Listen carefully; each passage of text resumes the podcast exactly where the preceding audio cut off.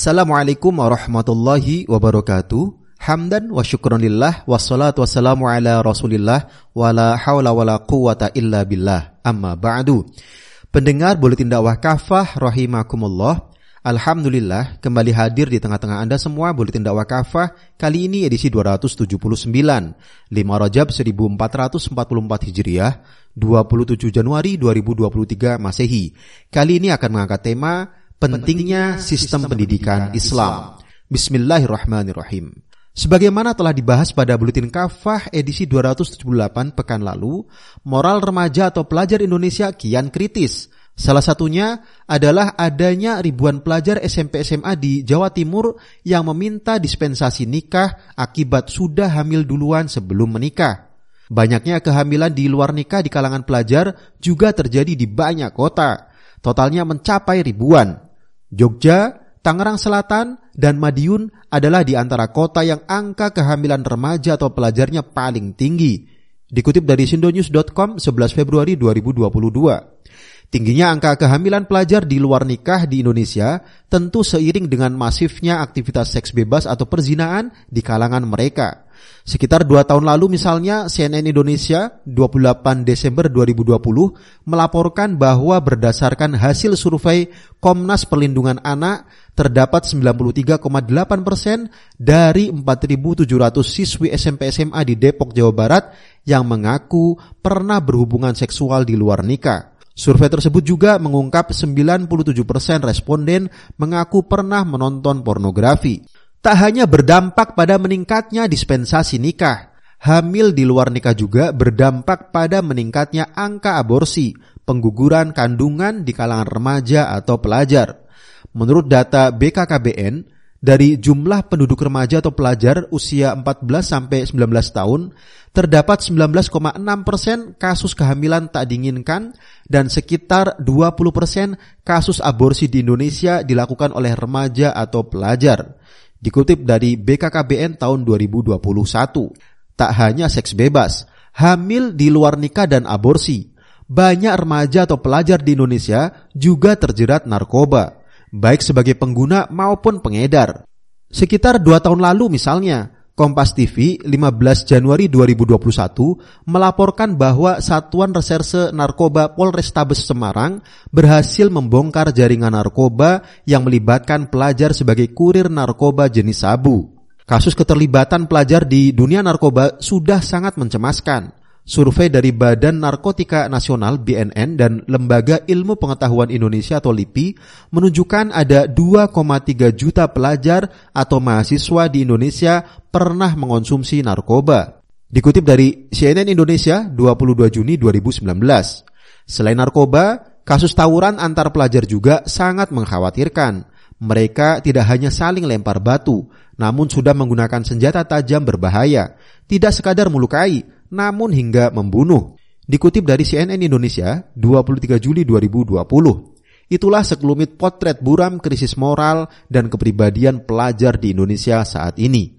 Pendengar rahimakumullah, kegagalan sistem pendidikan sekuler. Mengapa kondisi yang sangat memprihatinkan di kalangan remaja atau pelajar di atas bisa terjadi? Salah satu sebabnya adalah kegagalan sistem pendidikan sekuler yang diterapkan di negeri ini. Anehnya, belakangan sekularisasi pendidikan di tanah air makin digencarkan. Peran agama malah akan diminimalkan atau bahkan dihilangkan dari dunia pendidikan. Beberapa waktu lalu, visi pendidikan Indonesia yang dicanangkan Kemendikbud menuai protes keras dari berbagai elemen umat Islam. Pasalnya, visi pendidikan yang tertuang dalam draft peta Jalan Pendidikan Nasional atau PJPN 2020 sampai 2035 itu tidak tercantum lagi frasa agama. Setelah menuai protes tersebut, Kemendikbud kini merevisi draft rumusan PJPN. Namun demikian, hal itu tetap tidak menghapus fakta adanya upaya pengkerdilan agama dalam PJPN. Terlihat jelas pada draft PJPN tersebut tetap tidak memuat frasa agama, yang ada sekadar frasa akhlak mulia dan budaya. Indonesia sebagai negeri dengan penduduk muslim terbesar di dunia tentu terancam bahaya jika pendidikannya minim atau bahkan niragama. PJPN itu lebih mengarus utamakan aspek pragmatis, yakni sekadar pertimbangan pasar dan ekonomi. Agama tidak mendapatkan perhatian secara semestinya. Misalnya disebutkan bahwa yang menjadi pertimbangan utama penyusunan PJPN itu adalah perubahan teknologi, perubahan sumber-sumber ekonomi Indonesia, kondisi demografi Indonesia, serta kondisi pasar kerja dunia global. Tentu sangat berbahaya mencetak sumber daya manusia yang unggul secara sains dan teknologi demi tuntutan pasar global, namun lemah dari sisi keterikatan pada ajaran agama atau Islam. SDM semacam itu justru berpotensi mengancam negeri ini melalui berbagai perilakunya kelak yang tidak lagi memperhatikan standar agama atau Islam berupa halal dan haram. Pendengar rahimakumullah, pentingnya sistem pendidikan Islam. Sebagaimana diketahui, dalam sistem pendidikan sekuler sebagaimana saat ini, peran agama Islam dikerdilkan bahkan disingkirkan. Akibatnya sangat fatal di antaranya adalah dekadensi moral di kalangan remaja atau pelajar yang makin parah, sebagaimana telah disinggung di atas. Sebabnya, para remaja atau pelajar tersebut tidak dibekali dengan bekal pendidikan agama yang cukup. Karena itu, di Indonesia yang berpenduduk mayoritas muslim, sistem pendidikan bukan saja harus mengikut sertakan agama atau Islam, bahkan sudah seharusnya Islam menjadi dasar bagi sistem pendidikan sekaligus mewarnai seluruh kebijakan pendidikan di tanah air. Dalam Islam, pendidikan dapat dimaknai sebagai proses manusia menuju kesempurnaan sebagai hamba Allah Subhanahu. Dalam Islam ada sosok Rasulullah Muhammad Sallallahu Alaihi Wasallam yang wajib menjadi panutan, role model seluruh peserta didik. Sebabnya Allah Subhanahu Wa Taala berfirman dalam Quran surah Al-Qalam ayat 4, A'udzu billahi rajim, wa innaka la'ala khuluqin azim. Sungguh engkau memiliki akhlak yang sangat agung. Allah Subhanahu wa taala pun berfirman dalam Quran surah Al-Ahzab ayat 21, A'udzu billahi minasyaitonir rajim, laqad kana lakum fi Rasulillahi uswatun hasanah. Sungguh pada diri Rasulullah sallallahu alaihi wasallam itu terdapat suri teladan yang baik bagimu. Keberadaan sosok panutan atau role model inilah yang menjadi salah satu ciri pembeda pendidikan Islam dengan sistem pendidikan yang lain. Karena itu, dalam sistem pendidikan Islam, akidah Islam harus menjadi dasar pemikirannya. Sebabnya, tujuan inti dari sistem pendidikan Islam adalah membangun generasi yang berkepribadian Islam selain menguasai ilmu-ilmu kehidupan seperti matematika, sains, teknologi, dan lain-lain. Hasil belajar atau output pendidikan Islam akan menghasilkan peserta didik yang kokoh keimanannya dan mendalam pemikiran Islamnya, tafakufiddin. Pengaruhnya atau outcome adalah keterikatan peserta didik dengan syariah Islam. Dampaknya atau impact adalah terciptanya masyarakat yang bertakwa yang di dalamnya tegak amar ma'ruf nahi mungkar dan tersebar luasnya dakwah Islam. Pemikiran atau fikroh pendidikan Islam ini tidak bisa dilepaskan dari metodologi penerapan atau torikohnya, yaitu sistem pemerintahan yang didasarkan pada akidah Islam. Karena itu dalam Islam, penguasa bertanggung jawab penuh atas penyelenggaraan pendidikan warganya. Sebabnya, pendidikan adalah salah satu di antara banyak perkara yang wajib diurus oleh negara. Rasulullah Shallallahu Alaihi Wasallam bersabda, "Al imamu ra'in wa mas'ulun an ra'iyyatih." Imam atau kepala negara adalah pengurus rakyat dan ia akan dimintai pertanggungjawaban atas urusan rakyatnya. Hadis riwayat Al-Bukhari dan Muslim. Pendengar rahimakumullah kecemerlangan sistem pendidikan Islam. Pada masa khilafah Islam, pendidikan Islam mengalami kecemerlangan yang luar biasa. Ini ditandai dengan tumbuhnya lembaga-lembaga pendidikan Islam, majelis ilmu pengetahuan, serta lahirnya ulama dan ilmuwan yang pakar dalam berbagai disiplin pengetahuan.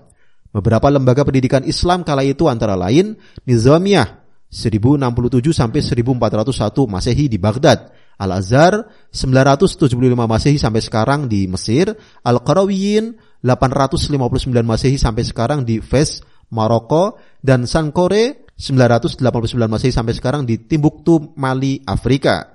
Lembaga pendidikan Islam ini pun menerima para siswa dari barat. Paus Sylvester II sempat menimba ilmu di Universitas Al-Qarawiyin.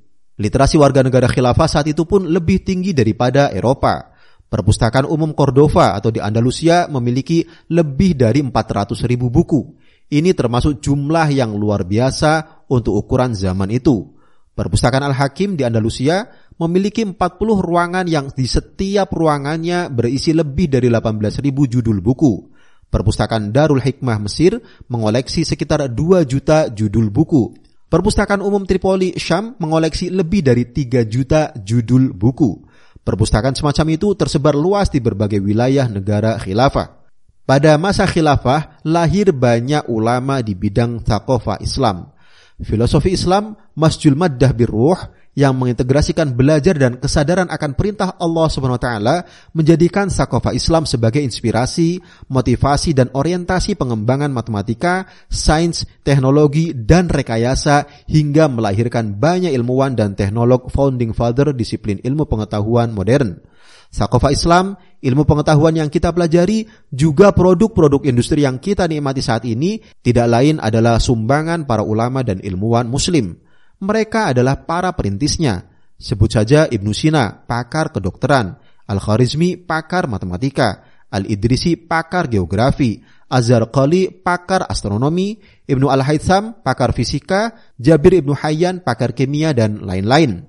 Kemajuan pendidikan pada masa keemasan peradaban Islam ini bahkan telah terbukti menjadi rujukan peradaban lainnya. Hal tersebut antara lain diungkapkan oleh tim Wallace Murphy yang menerbitkan buku berjudul What Islam Did for Us, Understanding Islam's Contribution to Western Civilization, London Watkins Publishing 2006.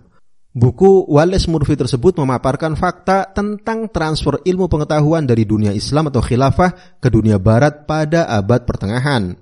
Disebutkan pula bahwa barat telah berutang pada Islam dalam hal pendidikan dan sains.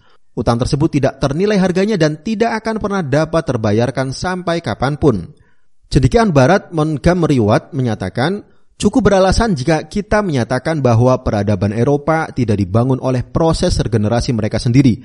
Tanpa dukungan peradaban Islam yang menjadi dinamonya, Barat bukanlah apa-apa. Alhasil, saatnya membuang sistem pendidikan sekuler dan beralih ke sistem pendidikan Islam. Wallahu alam biswab. Demikian materi Buletin Dakwah Kafa edisi 279, pentingnya sistem pendidikan Islam. Terima kasih. Wassalamualaikum warahmatullahi wabarakatuh.